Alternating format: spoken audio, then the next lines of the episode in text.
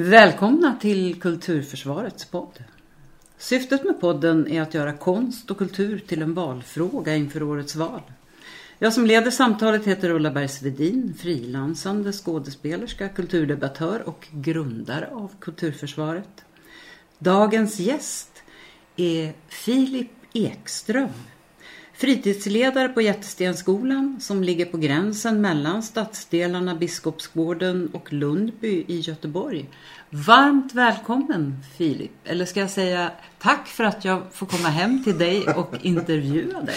Eh, tack, tack för att jag fick vara med. Det blir bara roligt tror jag. Nej, jag vet inte. Men eh, du är välkommen Ulla. Tack så Hem mycket. till mig. Vem är Filip Ekström och vad arbetar du med som mest för närvarande? Ja, Filip Ekström. Jag är väl eh, sambo till min tjej, pappa till fyra barn. Eh, en engagerad IFK Göteborg-supporter. En fritidsledare. Eh, ja. Om vi backar lite då Mm. och pratar lite om den lille Filip. Vem var han? Oj. Ja, vem, vem var den lille? Vem är den, var den lille Filip? Eh, han, ehm, han var ganska arg. Men eh, väldigt social. Mm. Extremt pratglad tror jag. Mm. Eh, jag hängde på fritidsgården på dörren i stort sett. När de öppnade och så gick jag hem när de stängde. Och jag... Jag trivdes inte i skolan men jag trivdes ute. Mm. Mm. Jag hade mycket vänner, väldigt social, alltså väldigt så... Eh, det var bara kul om man var med andra. Mhm. Jag kunde inte vara själv, inte roligt själv alls. Eh, Vad var det som var roligt på fritidsgården då? Eh, jag dansade mycket. Breakdance. Eh, mycket kompisar. Men framförallt så var det också duktiga fritidsledare där. Jag hade en fritidsledare som jag, som jag tyckte väldigt mycket om. Ivan hette han. Han, ehm,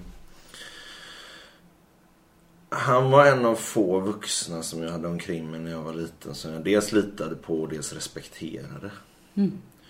Jag tror att om du hade frågat Filip som tonåring så, och du frågar hur många, hur många vuxna respekterar du Filip? Och framförallt hur många vuxna män respekterar du? Så skulle jag kunna säga två.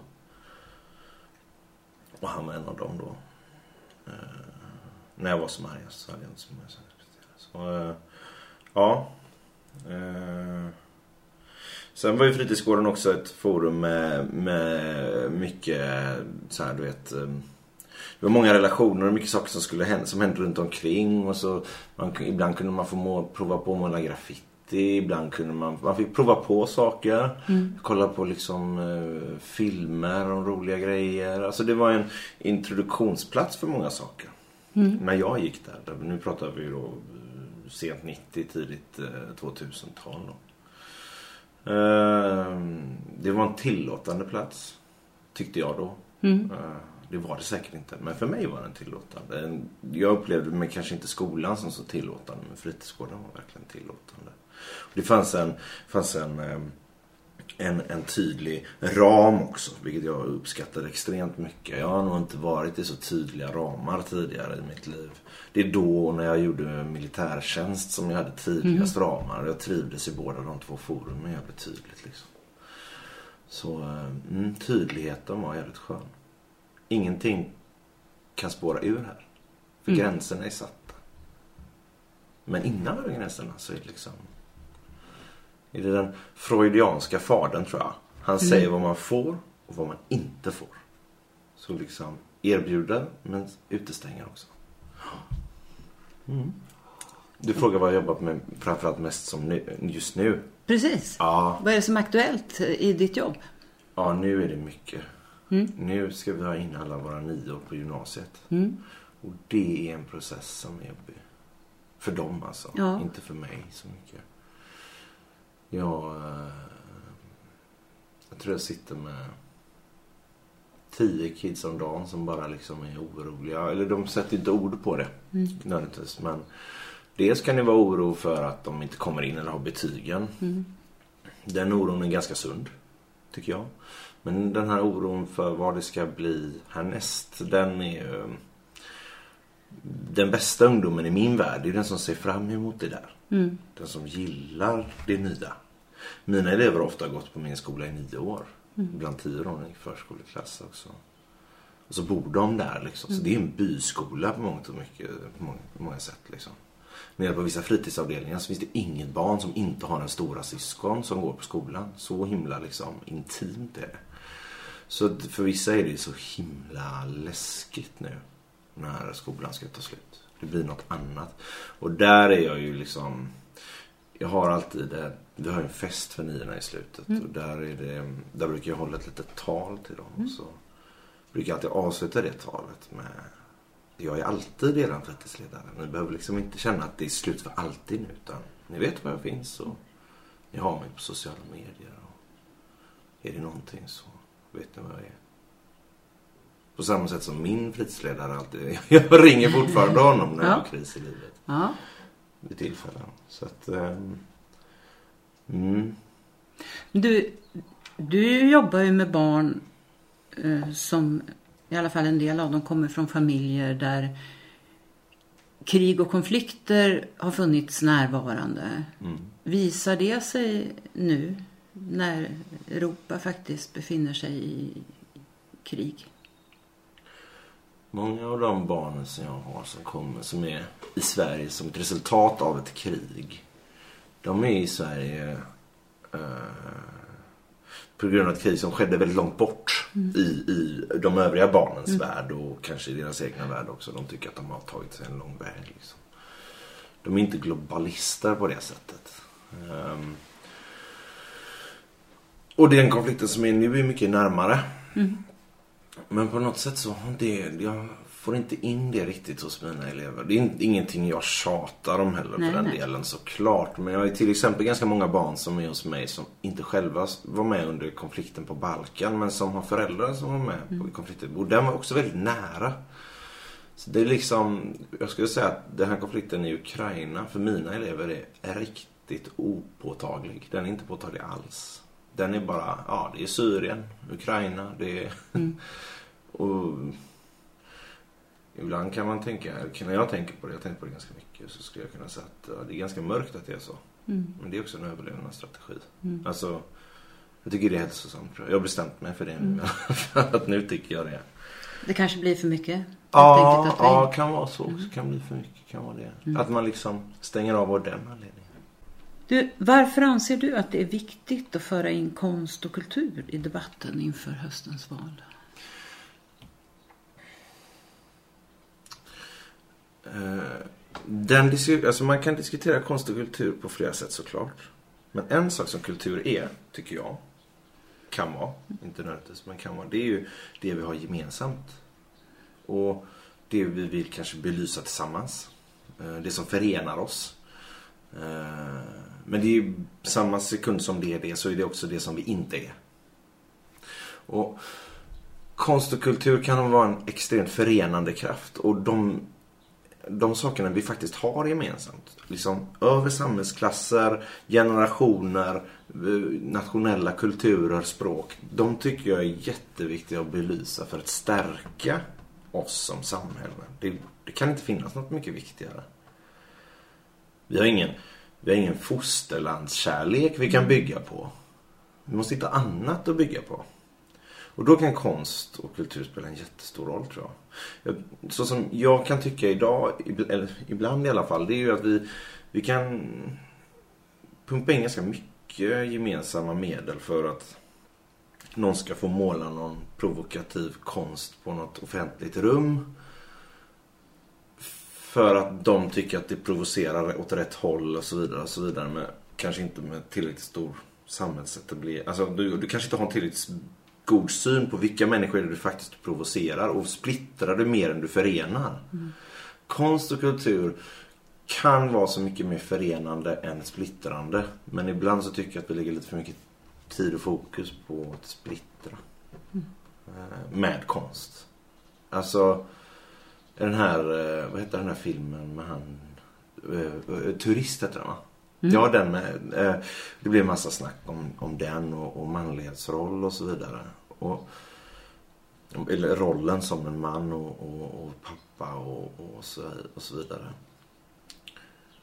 Det kan vara hälsosamt att ha sådana diskussioner och jag har ingen aning om just den filmens diskussioner renderade i något positivt eller negativt. Men det jag kan säga är att det uppstod en diskussion i ett klimat som kanske inte riktigt var redo att ta den diskussionen. Jag upplever inte att det finns en, en tydlig diskussion om vad ska våra gemensamma kulturella medel gå till. Nej. Um, ibland så är det så att, när jag jobbade här inne i stan på en fritidsgård förut och då satt fritidssektorn ihop med kultursektorn. Mm. Kulturfritid hette vi då. Mm. Då fick vi slåss med biblioteket om ja, pengar för öppettider ungefär. Så då ställde man liksom kulturen mot fritidssektorn. När de två kanske är egentligen de, det viktigaste att de två hålls isär för att det är de två som ska liksom någonstans gifta sig med varandra förhoppningsvis. Va? Mm. Men, men ehm, ja, jag vet inte om det är något svar på din fråga men det är så svårt att precisera. Men jag, jag tycker att det är viktigt, politiken har ett viktigt, eh, är ett viktigt verktyg för att illustrera våra likheter och inte olikheter. Jag hoppas att det var någorlunda bra svar. Jag tycker det är svårt det här. Det är svårt. Mm. Du har i tidningsintervjuer berättat att efter gymnasieexamen bildformlinjen på Schillerska så svor du att aldrig mer sätta dig i en skolbänk. Mm. Varför det? Det var lite kul att plugga. Nej. Ehm, eh, skolan, skolan var... Eh, skolan kan göra... Kan stärka en känsla av exkluderande liksom... Skolan kan exkludera elever på ett tydligt sätt som kan göra det ganska känslig. Alltså jag skulle säga att jag har ett har under min livstid haft ett extremt svårt relation till auktoritet.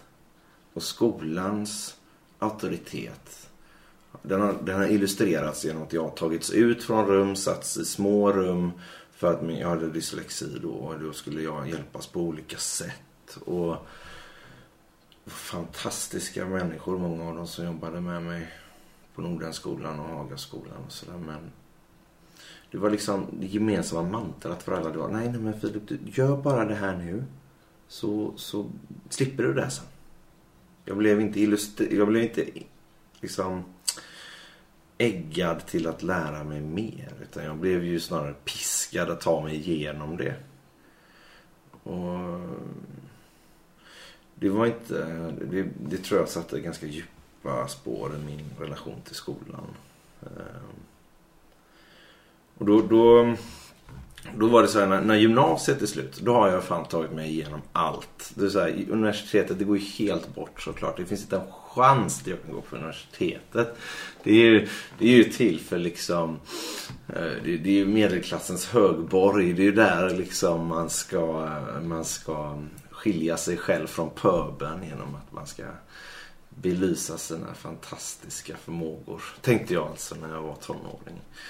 Um, så nej, det är svar på din fråga. Nu svävar jag ut som vanligt. Men jag skulle säga, ja, men det handlar väl om att jag tyckte att det var svintråkigt i skolan. Skolan var inget ställe att ha kul på utan det var nödvändigt ont. Och eh, de gjorde sitt bästa för att trycka ner dig liksom. Och sen jobbade du då som lärare i breakdance, mm. mingelfotograf mm. och på förskola. Mm. Och det här var då under finanskrisen då det inte fanns många fasta jobb. Men vad gjorde då att du till sist valde att utbilda dig till fritidsledare? Ja... Alltså jag jobbade ju som fritidsledare också sådär timmar liksom. Mm. Eh, jag jobbade på en ungdomssatsning som fanns uppe i Nordostpassagen. Och drev ett så här, ungdomsdrivet café typ. Eh, där. Med, under min gamla fritidsledare som hade bytt verksamhet och börjat mm. där. Och så han lät mig starta en sån grej. Och så hade jag så här, grabbar som gjorde samhällstjänst under mig. Så det var ofta polare liksom som kunde komma och göra timmar hos mig. Och så kunde vi sitta och spela tv-spel och sälja lite kokosbollar. Och så, ja, det var väldigt trevligt och kul. Och jag kände väl ganska mycket att jag tog ett litet ansvar där. Ett ansvar som jag trivdes med ganska mycket jag trivdes med att ha ett, liksom, ett socialt ansvar. Inte ett ansvar att läsa igenom en text och producera någonting. Utan ett ansvar, relationsmässigt ansvar till Ja, I det här fallet var det ju andra ungdomar när jag själv var ungdom. Men jag fick ju sen börja jobba som fritidsledare själv. Liksom. Och då kände jag till de yngre ungdomarna att jag, jag kände, det kändes bra att ta ett relationellt ansvar. Så eh, skickade han iväg mig sen, den här fritidsledaren, till Colombia. Och så gjorde jag volontärarbete där på ett barnhem. Och när jag kom hem därifrån så hade jag så blodad tand så att det gick ju inte att låta bli. Men jag var så här, men jag tänker fan inte ställa mig, sätta mig bakom skolbänken igen. Det är ju liksom, det har jag ju svurit på. Det kan ju inte jag. Men, eh, men eh, det fick bli så ändå. För att annars så var det så svårt att få fasta tjänster. Och så liksom, ja, det, det, det var inte helt okomplicerat. Jag tror att jag sköt upp den ansökan med säkert två år. Mm. Eh, sen när jag väl började där på folkhögskolan. Jag tänkte, ja men de får en vecka ungefär. Om de inte sköter sig så, så drar jag. Min fritidsledare skrev ett rekommendationsbrev och du vet det var en sån jävla uppbullning för mig liksom. Mm. Att nu skulle fan liksom in här. Men de skötte det väldigt bra på Göteborgs folkhögskola. Jag kände det var så himla varmt och gött där. Det var inte ta det bara igenom det här. Utan det var eh, på något sätt så lyckades de lura mig att tro att uh, det här med utbildning också kan vara kul typ. Och jag gick på det. Och jag är väl glad för. Det visade sig att de till och med hade rätt kanske? Ja, kanske till och med hade de rätt. När, när, när, du berättar så, så uh, känns det ju lite som att det finns en, en röd tråd från din egen ungdom. Mm. Som till slut landade. Ja. Jo men det är väl klart. Alltså eh, jag tror att jag är den fritidsledaren jag själv ville ha. Mm. Och eh, jag sprang runt och letade efter en fadersgestalt i stort, större delen av tonåren utan att veta om det själv typ. Och så hade man tur och sprang på fritidsledare som kunde illustrera den personen som jag sökte efter. Och mm. minst när jag var liten så var jag så här, jag om jag bara kunde ha en pappa med stora händer och tatueringar. Då skulle livet vara så himla mycket lättare. Mm. Och um, skulle jag träffa Filip tonåring idag så tror jag inte att jag hade gjort honom besviken. Mm. Men det är en skön känsla. Mm. Så ja, en röd tråd ja. Det ska jag nog också säga. Sökande efter någon slags trygg, trygghet. Ja, trygghet. Ja, precis. Det är väldigt bättre. En fast, fast och stor hand. Mm, ja, mm. precis. Mm. Både fysiskt och mentalt. Du, du har ju sagt också om ditt arbete när vi har pratat tidigare att du finns som en resurs, en extra vuxen för att skolan ska bli en lättare plats för eleverna att uppnå sina mål. Och då har du sagt att målen är betygen men det är inte ditt mål. Ja, kan vi se till som min rektor aldrig får höra på det här eller? Nej. jo men så här, ja precis. Nej det är inte mitt mål. Det är ju mitt mål. Alltså det, är så här, det är mitt uppdrag. Mm. Men lite som vi var inne på förut med de barnen som ser fram emot gymnasiet för mm. att det är ett nytt kapitel. Liksom, jag brukar mm. säga att typ, nu börjar i stort sett mm. livet. Livet har bara varit mm. något annat. Det har varit någonting liksom förutbestämt. Ni har suttit i ett ägg. Ni har liksom, nu får ni komma ut. Liksom, och nu, nu ska ni, liksom, ni ska slå ut era blad själva nu för första gången. Och kanske kan ni liksom börja växa åt ett håll som ni i slutändan kommer vara nöjda med. Mm. Men också kanske inte. Och det är okej, okay, det är med. Mm. Men den känslan av att vilja ta sig framåt eh, och inte vara rädd för framtiden. Mm. Jag skulle säga att det är en av mina stora mål. Eh, just, och i det ligger ju såklart potential. Mm. Alltså så. Mm. Eh, det är jätteviktigt. Men jag uppfattade dig när du pratade om det som att betygen är ju en effekt av någonting. Men, men eh, som du säger då, om att målen är att få dem att eh, tro på sig själva mm. och att arbeta målmedvetet. Sen att betygen blir en effekt. Mm. Ja, det, det, är en helt annan sak. Exakt. Mm. Ja. Ja, jag, alltså, sån, jag, hade, jag skrev ut den, hade den på mitt gamla pojke. Den här, man ska följa sina bästa stämningar så länge. Dans som Hjalmar Branting sa liksom. Eh, jag var ingen socialdemokrat som pojk, inte alls. Men just det citatet tyckte jag var härligt liksom. Och, då, då, och det tycker jag illustrerar ganska mycket. Ja, precis. Och betyg kan hjälpa dig. Absolut. Så, så är det ju. Du har sagt också att du har förmånen i ditt arbete att ta del av ungdomars liv och tankar om både nuet och framtiden och att ditt arbete är en blandning av syokonsulent, skolkurator, kamratstödjare och föräldrakontaktperson. Hur, hur kan en vecka i ditt arbetsliv se ut? Åh gud, vad svårt. Ja, en vecka i mitt arbetsliv. Det kan inte vara den veckan som var. Då, har det liksom, då har vi den här koranbrännaren i Örebro. Säkert pratat om det i åtta timmar med olika individer och sådär. Och då så man kan se det i någon slags... Eh, det här, de vill prata om de vill prata om vad som händer runt omkring. Det är ju mycket mer intressant än kriget i Ukraina. Och sen har vi ju förberedelse för nationella prov och då har vi ju elever som ska förberedas för det. Vi har en hel del elever som jag brukar hjälpa lite mer separat i de typer av... När de har lite större utmaningar så som ett nationellt prov kan vara. Ehm, På, på vilket sätt hjälper du dem då? Ibland så är det ju jag som gör provet med dem. Eh, För att vi, alltså så här, jag har ju förmånen på så sätt att jag jobbar ju inte med att ställa några krav på dem i vanliga fall. Jag jobbar bara relationellt hela tiden. Ja, jag, jag ställer ju krav i den meningen att ni ska fan inte du vet, mm, slå varandra eller säga elaka saker till varandra. Men, men bortsett från det så är mina krav så låga så att när man väl hamnar i en sån situation att, de ska, att jag ska bli en lärare eller få den rollen. Då brukar jag försöka ta den bara på de tillfällena när det inte är när det kommer utifrån. Ett nationellt prov kan du inte välja. Det ska du göra liksom.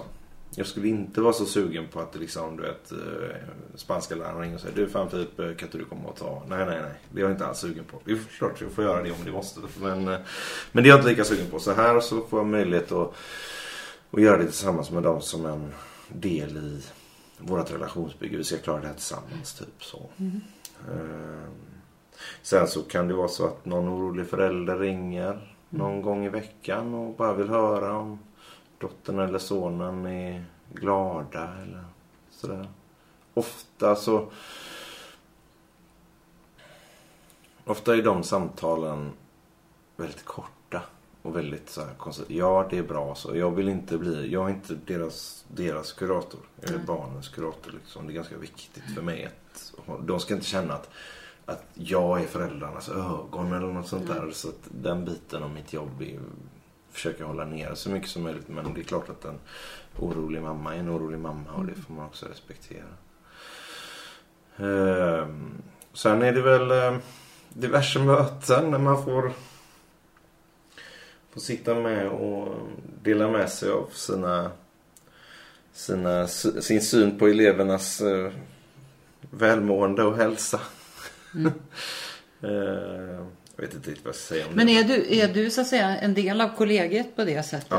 Ja. Precis. För jag tänker, du är ju kanske den som möter eleverna mest just relationsmässigt kanske. Ja.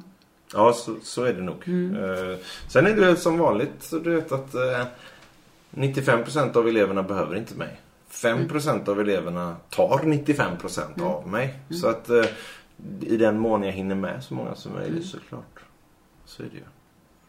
Vad, vad, vad är det som kommer fram då när du talar med unga som kanske inte motsvarar den mediala bilden eller bilden som vi matas med i politiken om hur det ser ut i bland annat det område där du arbetar? Som begreppen no-go-zon och förenklade budskap som att förorten är kärlek eller att i förorten är alla tysta. Ja. Vad kommer fram? När jag pratar med dem om det liksom. Är det det du undrar? Ehm, ofta så vet inte mina kids om att de, att de är en del av någonting som pratas om. Utan de tror ju ibland att det är någonting annat. Eller du vet, de kan vara insatta i konflikten i Malmö eller Stockholm. Så har de liksom ingen riktig relation till konflikten där de bor. De kan ha en konflikt i den meningen att ah, det var min granne som blev skjuten. Men det är ändå inte så illa som om det är Järva i Stockholm. För där är det illa. Så att de liksom distanserar sig. Det är lite som det där med kriget vi pratade om förut. Jag har inte tänkt på förut. Men nu när jag säger det högt till dig så tänker jag att det finns säkert någon sån. Du väljer att distansera dig liksom. Ehm, så, så de är ju inte... Om jag, om jag skulle fråga... mm, skulle, om jag skulle ha med mig ett, ett gäng ungdomar här och vi skulle sitta och fråga dem saker så skulle de, tror jag, svara i stil med Ja men du vet eh, Ja det, det är farligt här i Biskopsgården men eh, Men det är inget jag märker.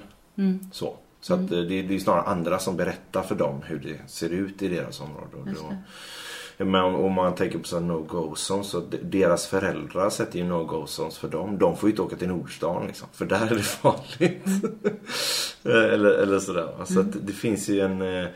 Det finns ju en... Det går åt två håll det där lite. Stan är ju farligare än Biskopsgården i vissa föräldrars mening och i vissa ungdomars mening. Så också.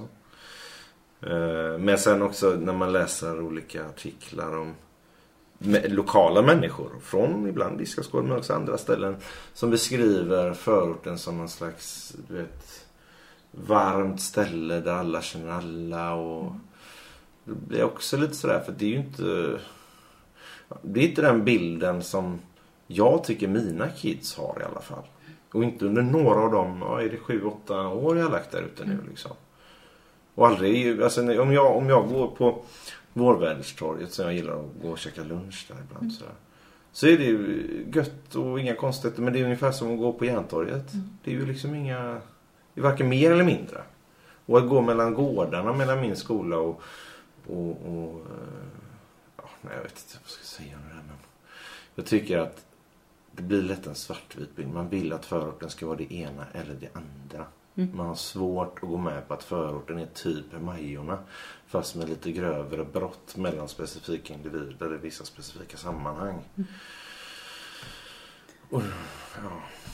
Det, det är väl förmodligen lika stora kan säga, variationer som det är i alla andra grupper. ja, jag skulle säga det ja. Det är bara det att vi får se de framgångsrika och så får vi se de kriminella. Ja, Den stora massan visas ja. sällan. Ja men precis. Det var så, jag jobbade som fältare inne i stan här förut.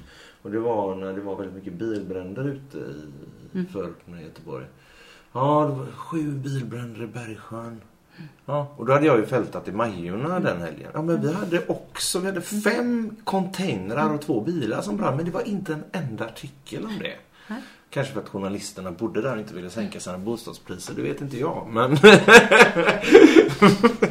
men, men det, det är liksom, ja, nej den här bilden av, jag, är, jag brukar liksom säga, men fan åk ut och sätt dig på, på något uh, gött hak och, och eh, prata med, med de som är där. För det är, det är liksom inte, det är inte vilda västern.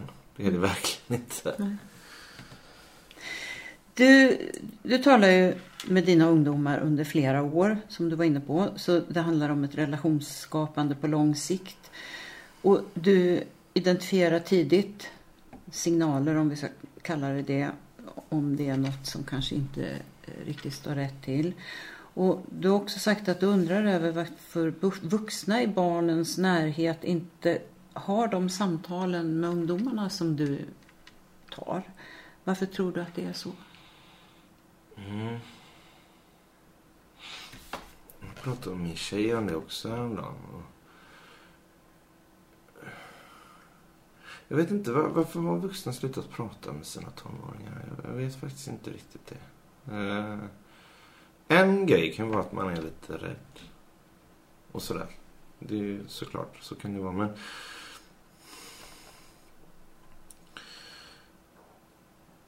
det är som att vi inte har... Det är som att så många vuxna har glömt hur det är att vara ung. Att man måste...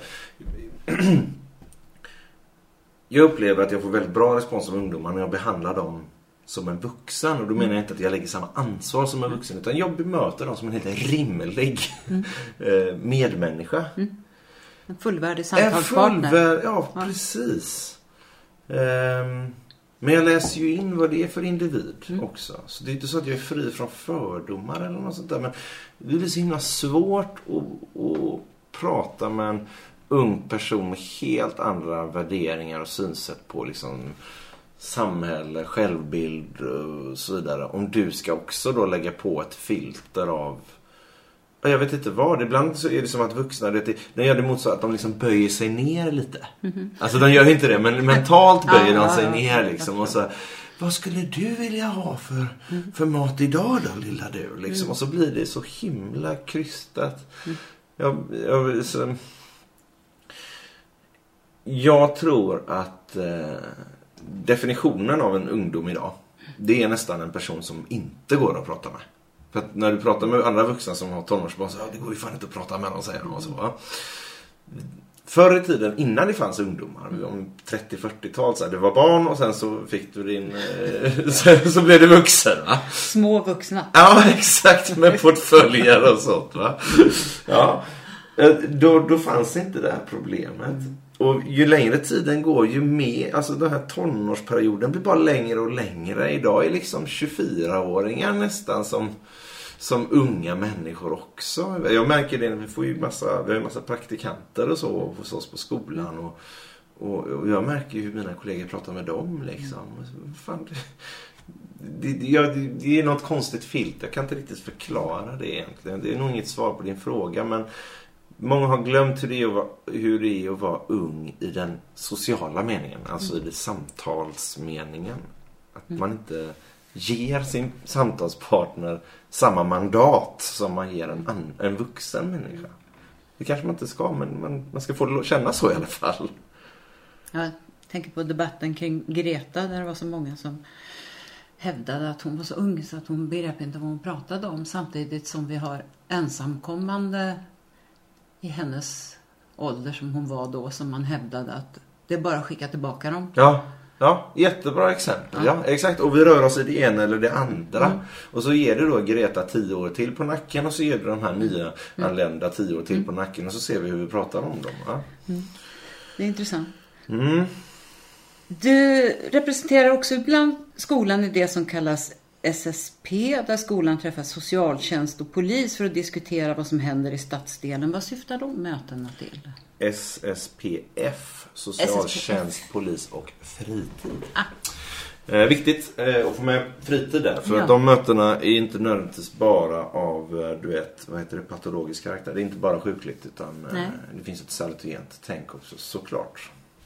Alla fritidsledare vill alltid jobba salutogent. Och salutogent i den meningen betyder alltså att man vill arbeta med det friska. Lysande tänkt. Ja, absolut. Det, det är en förutsättning för att kunna göra mitt jobb tror jag. Annars får du vara behandlingsassistent eller något sånt där Ja. va. Men genom att stärka folks styrkor som är hälsosamma, som jag eller alla andra fritidsledare bedömer som hälsosamma så tror jag att det, du, du, du når längre liksom i, ditt, i ditt yrkesutövande. Men, men det är ju en, mer en yrkesbeskrivning. De här mötena syftar framförallt till nätverkande.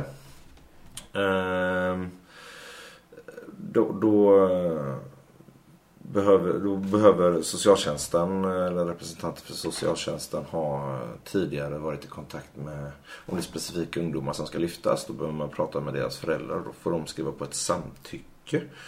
Samtyckesblankett som, går, som betyder att jag går med på att ni pratar om mitt barn.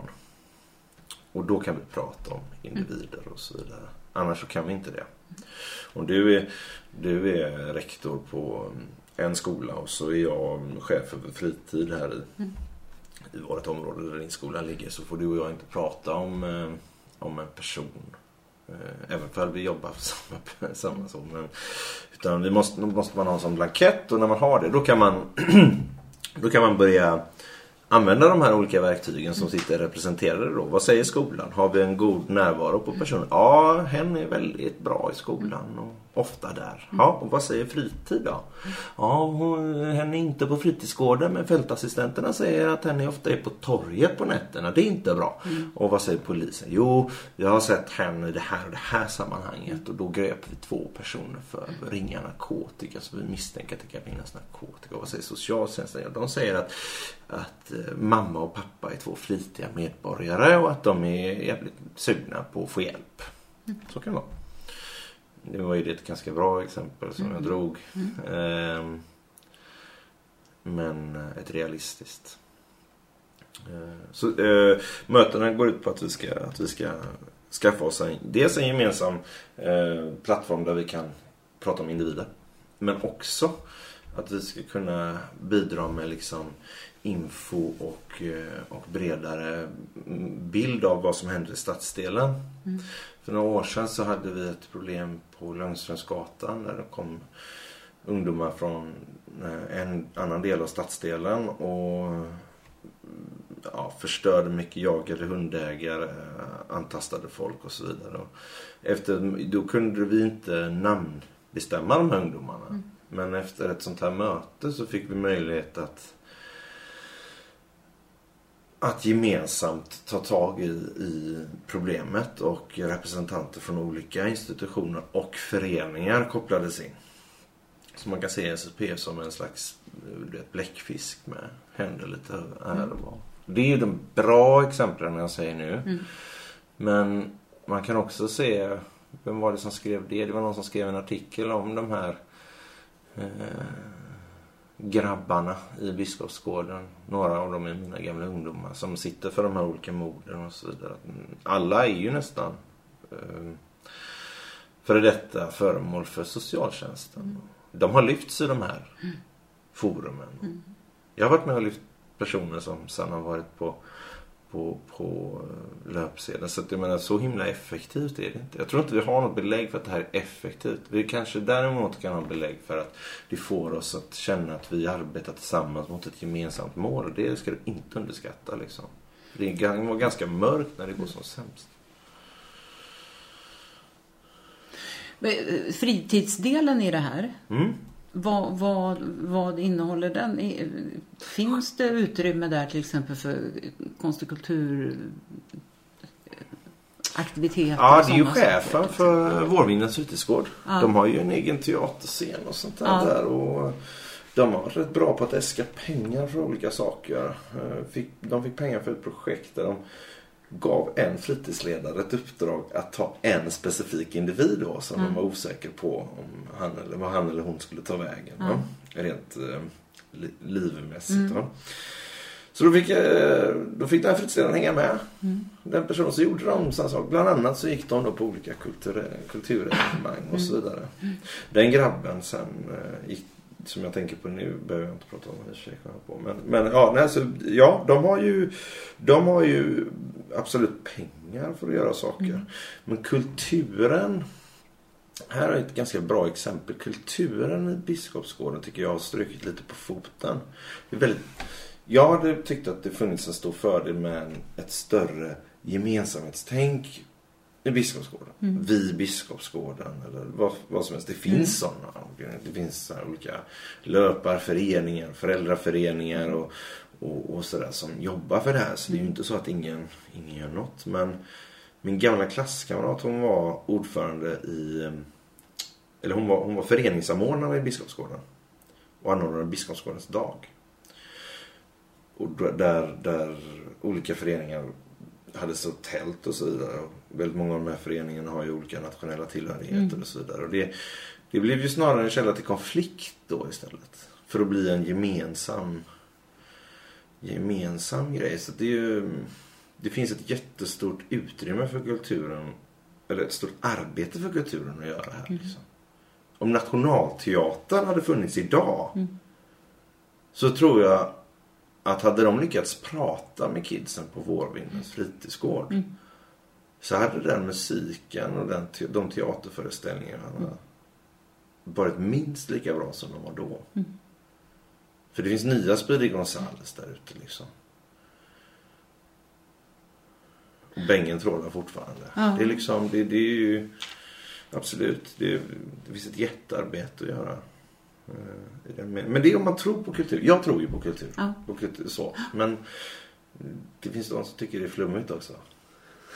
Mm. Vi fick ju faktiskt på 90-talet förfrågningar vid flera tillfällen och eh, tog emot ungdomar mm. från eh, olika stadsdelar mm. som man ja, bedömde skulle ha glädje av att få befinna sig och de ville det då? Liksom. De ville det. Ja. Och blev involverade då i, i vårt arbete på olika sätt. Ja, sånt där tror jag ju på då. Mm.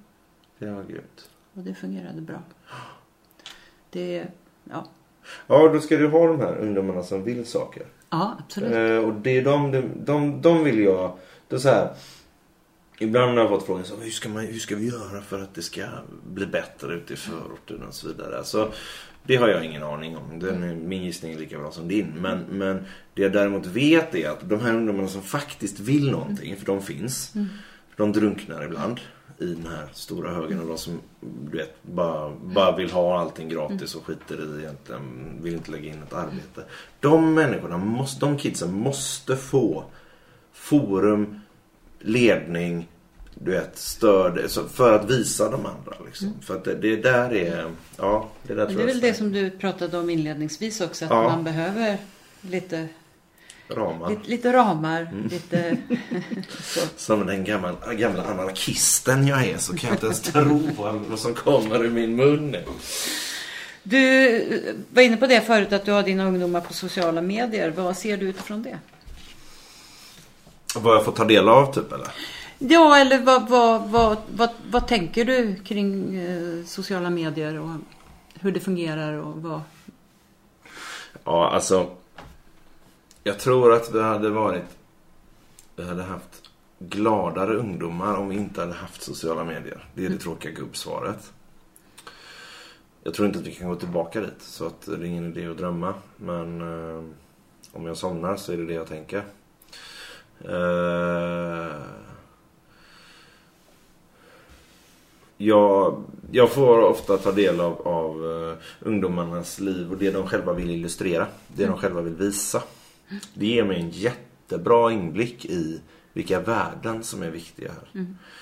Eh, du vet, är, de, är det så att jag följer en kille som jag vet precis vem han är för vi känner varandra väl men varenda gång han lägger upp grejer på, på Snap eller Instagram så här, då står han och gör fräcka pistolrörelser och maskerar sig och så vidare. Ja, okej, då är det det här språket. Så det är den här valutan som är, som är viktig här och sen så och så kan man se om ungdomar till exempel lägger upp någonting och så kanske man tror att den här ungdomen har jättemånga kompisar men han eller hon får ingenting likat. Det händer ingenting och då, då, då har jag definitivt en roll att spela där såklart.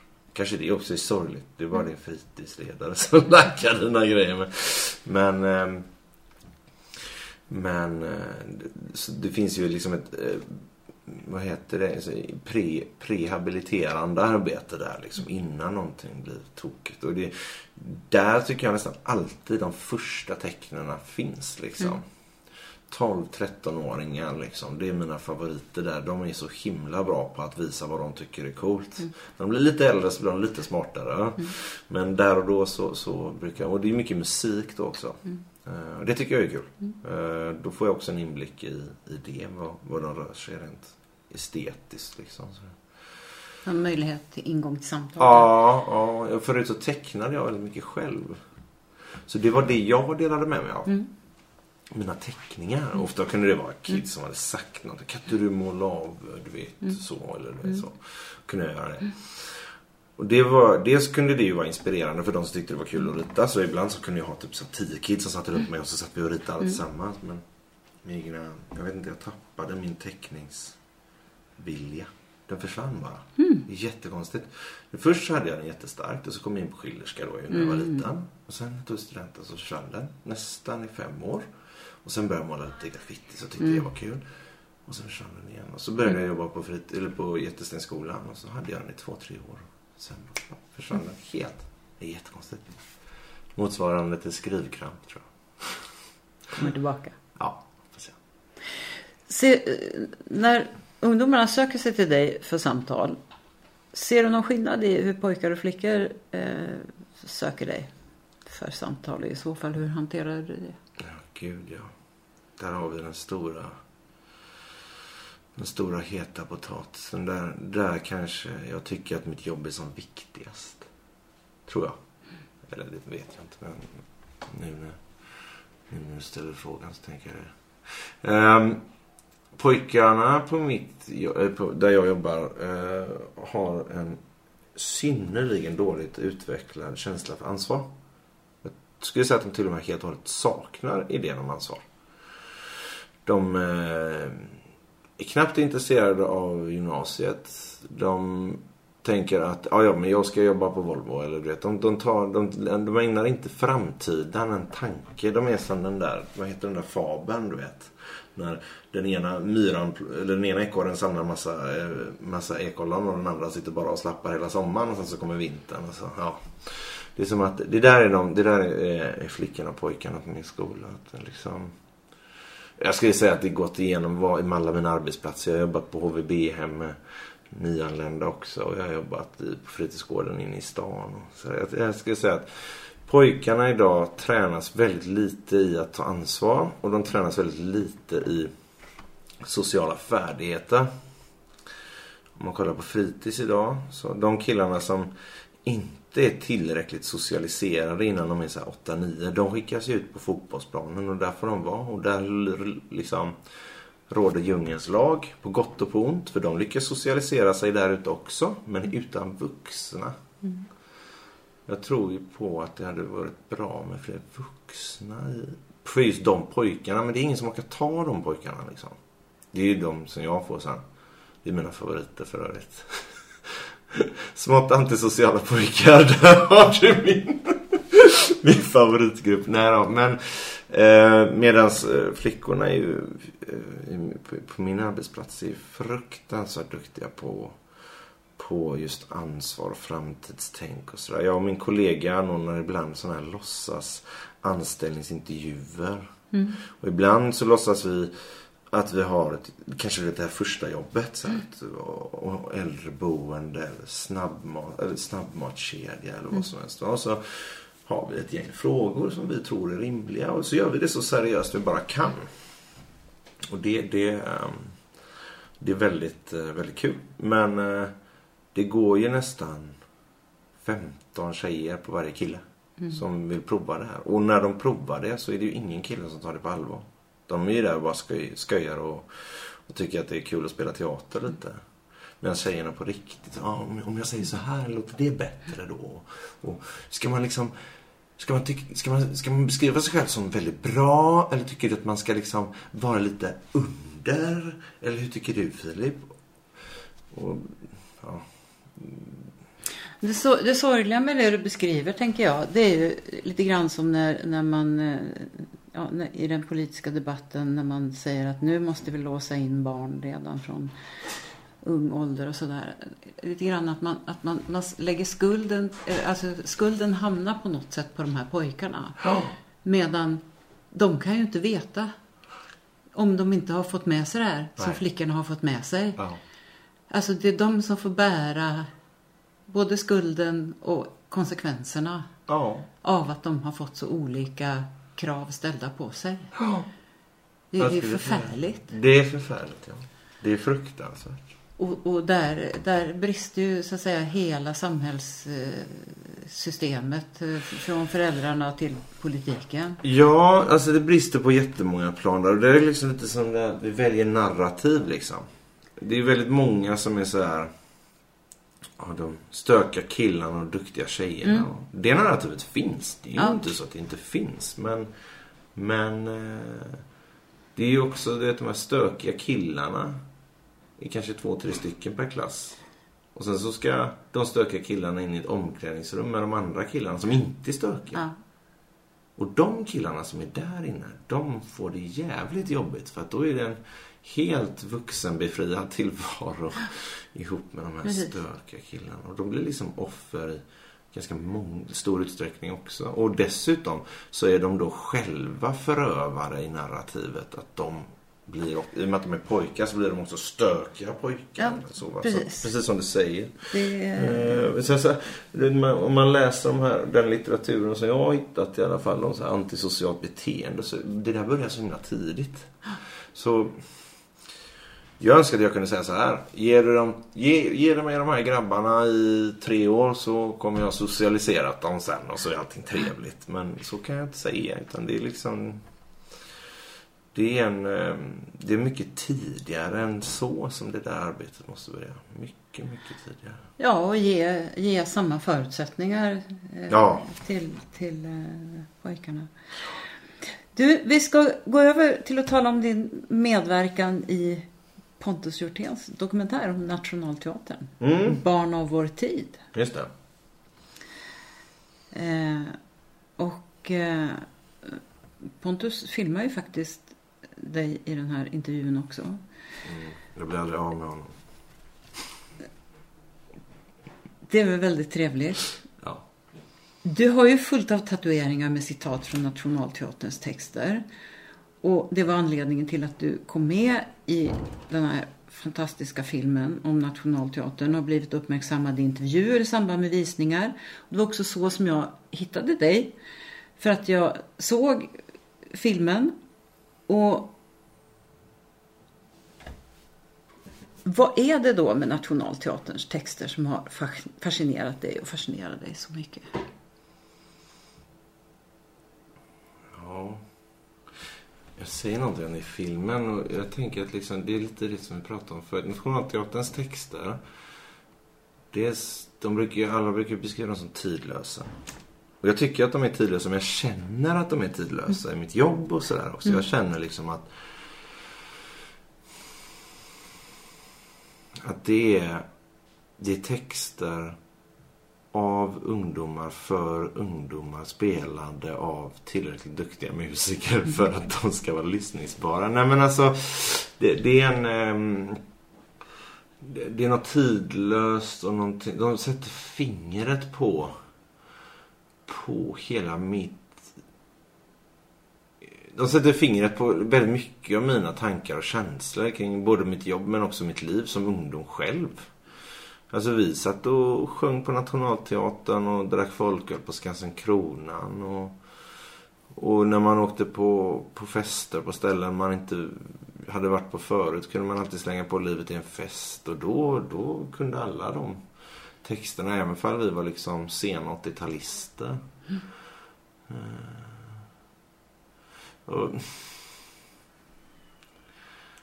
alltså, jag lyssnade på Rövarkungens ö häromdagen. Man kan, man kan tänka att det är en, alltså det är en saga om klassamhället. Eller, vet, sådär. Men det är också liksom...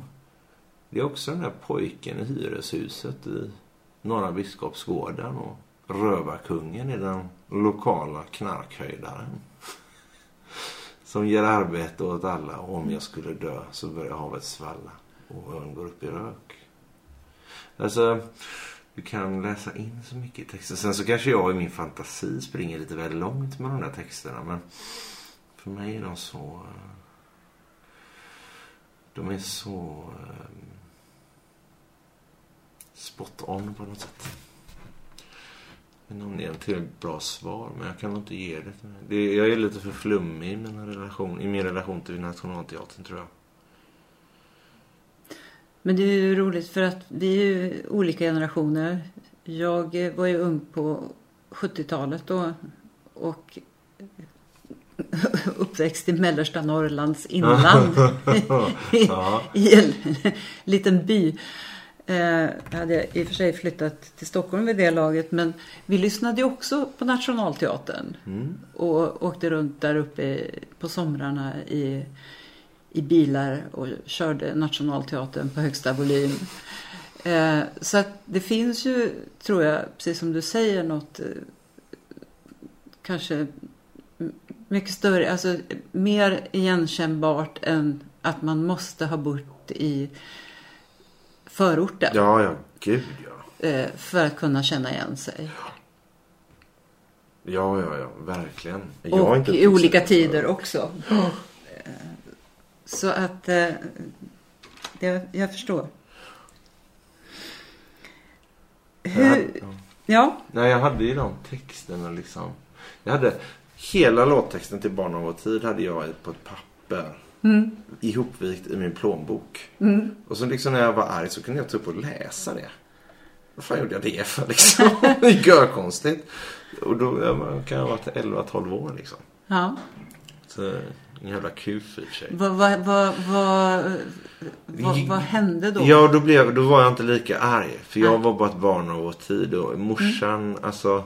Min mamma har ju tyckt att det har varit jättejobbigt stundtals att vara mamma åt mig.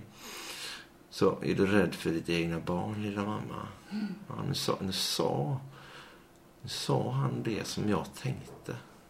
Jag var, ja, kanske man, man var inte lika man var inte lika talför som tonåring. Så det var ju skönt att jag vet inte vem var det som skrev Barn av vår tid. Var det Totta och Dageby ihop? Jag minns inte. Men eh, jag minns inte vem som står som författare till den. Men, men den i alla fall.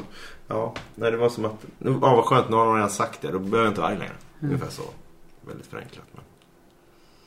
Nej men det är ju. Det är ju verkligen kraften i.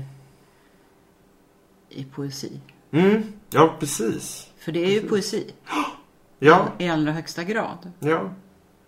Ja, och nu är den ju ett plagiat, men, men Bara om en älskade väntar är ju den absolut bästa kärlekssången som finns. Den kan precis sätta fingret på hur jag känner för min sambo till exempel. Och då mm. behöver jag, då kan jag liksom tänka på den sången och så känns det skönt i magen liksom. Mm. Så det är, ja, nej, som du säger, det är kraften i poesi, helt riktigt.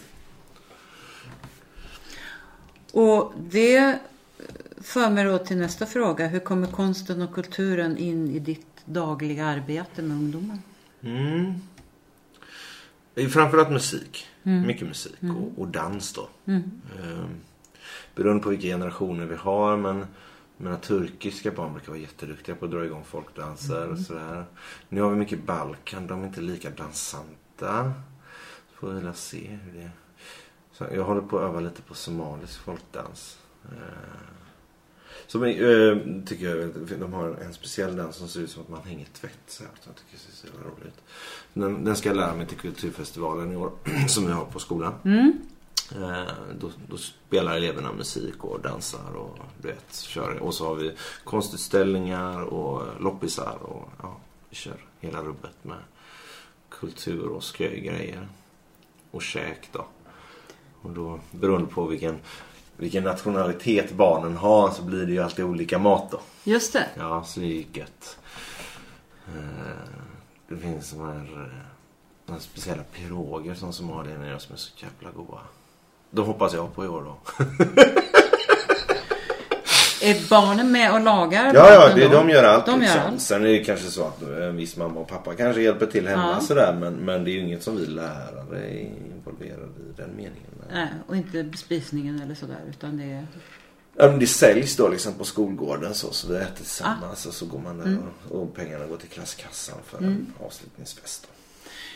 Lär eh, ungdomarna av varandra sina respektive folkdanser och sådana saker? Ja, det kan de göra. Ja. Men eh, det är ju det här du vet, så fort du blir andra, tredje generationens eh, nationalitet så blir liksom känsla, din, din nationalism växer sig som starkare ju längre distansen blir är ju min uppfattning lite. Mm. Så nu börjar ju liksom de flesta av mina barn, väldigt, några så här klart nyanlända har jag ju men mm. det är väldigt få som är så här första generationens mm. så. Eh, bortsett från de nyanlända. Um, och då blir det lite mer, det blir lite svårare att få till den här vi lär och, och använder av varandra som en det brukar ge sig efter ett tag. Så vi får se hur det där utvecklas. Det är en litet huvudbryn jag har.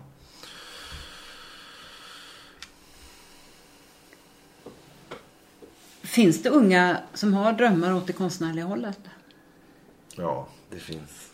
Det finns en som är med i den här Nationalteatern-dokumentären. Hon som sjunger. Hon... Eh hon har väldigt mycket konstnärliga drömmar. Hon vill göra all musik på sitt sätt. Mm. Hon vill inte att det ska låta som artisten. Så det, det är en konstnärssjäl. Mm. Uh, vi brukar släppa ifrån oss en till två elever till Schillerska spilloform också. Mm. Det är inte alltid så att de har konstnärssjälar då som att de liksom drömmer om det här men de vill mm. prova. Och det var lite det vi pratade om i början mm. där. Att de, bara vill prova så är jag nöjd liksom. Mm. De säger, Åh, det där vill jag, det där vill jag prova.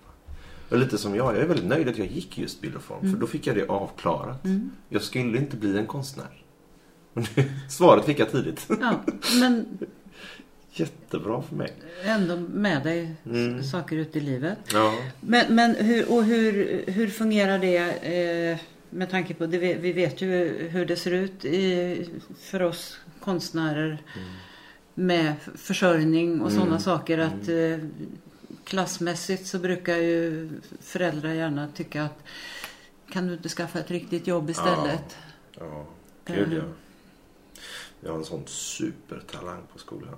Hon är görduktig med olja och med blyerts och sitter verkligen i fingrarna på henne. Jag är fruktansvärt avundsjuk på hennes talang. Och så skulle vi måla om ett bollplank på skolan och så.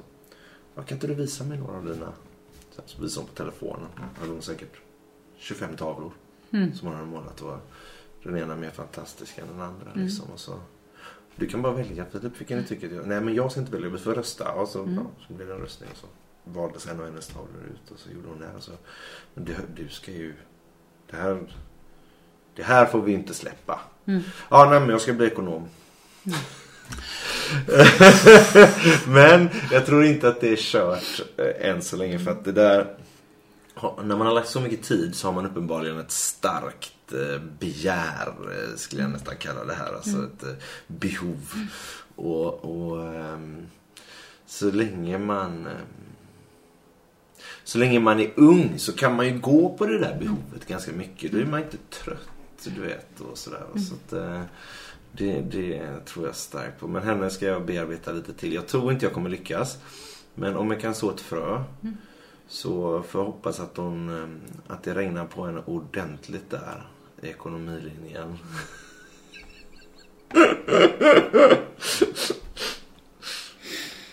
Hur, hur ser det ut med information om, om var jobben finns och vilka utbildningar som leder dit för de som går i nian och ska välja till gymnasiet? Du var ju inne på det, att det är de tiderna nu. Och i så fall, finns det även information just för de här eh, utbildningarna och så att säga vägarna dit? Nej, alltså alla de här eh, arbetarlinjerna, du vet. Industri, eh, produktion. De är jättebra på att marknadsföra sig. eh, Och framförallt hos oss. Jag tror vi har Volvo hos oss några gånger per termin, du vet sådär. De är jättebra på att också berätta om andra grejer såklart. Det är inte bara du vet kom och slit på vårat band. Det är inte det jag menar. Men ja. De har ett starkt fäste där. Eh, vi har ju inte så många... Ibland har jag bjudit in kompisar som jobbar med andra grejer. Typ så här reklam och sånt. Och det har varit rätt populärt. Eh, då bjuder jag in en polare och så kan han ja, komma dit och visa lite grejer han hade gjort. Typ så här, en kompis till mig han, han har varit med och gjort reklamfilm. Som de hade sett då. Så då blev ju det jävligt fräckt då. Och en av de grabbarna som såg honom då. Han jobbar på radio nu.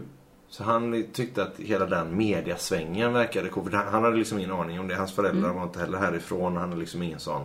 Och han har tagit det klivet. Det är helt imponerande. Och det tror jag att just det besöket spelade ett större roll än vad jag init- initialt trodde då.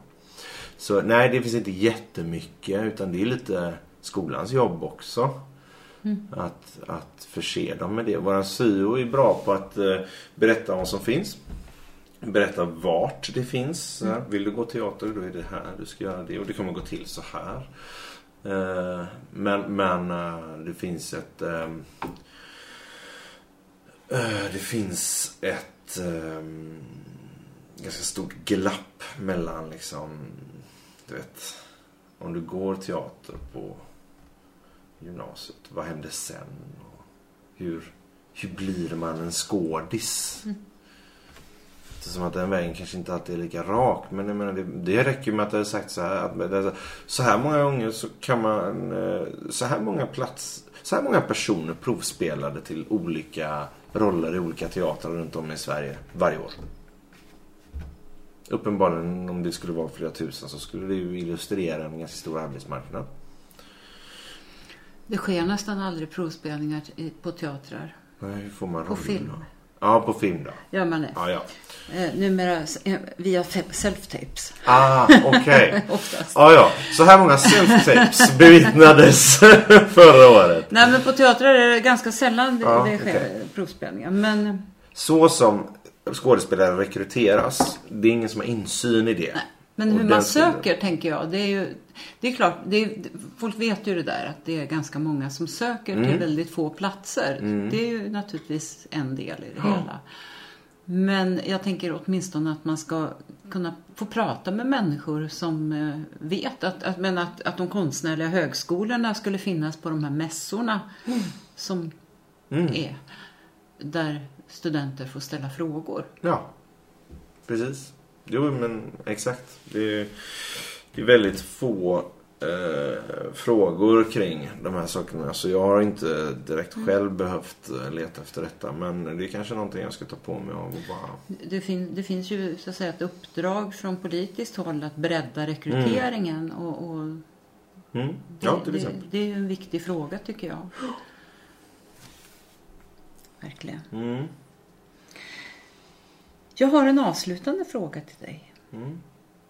På vilket sätt och av vilka anser du att konst och kulturpolitiken bör debatteras inför valet? Så att det som står i alla vackert formulerade kulturplaner blir tydligt. Att konst och kultur är viktigt för såväl samhälle som medborgare.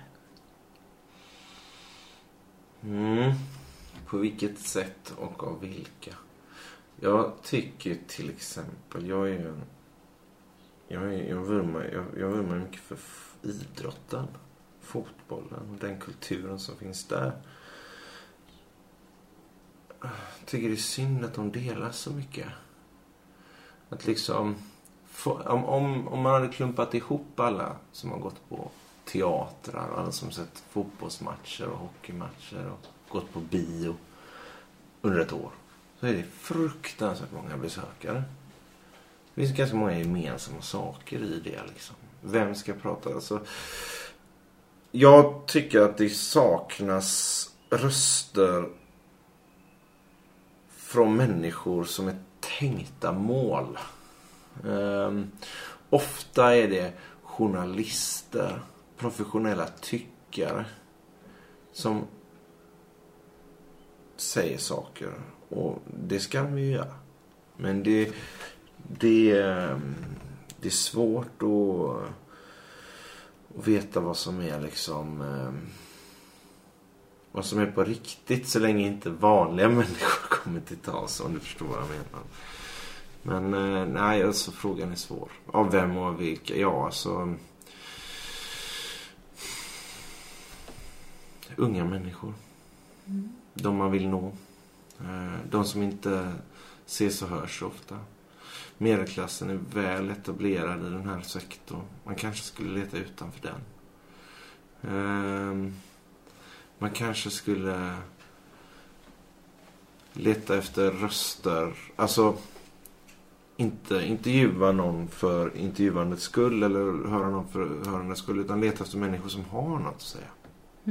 För att professionella tyckare, det är deras jobb. Men det finns ju säkert människor som har ganska mycket att tycka och tänka och säga.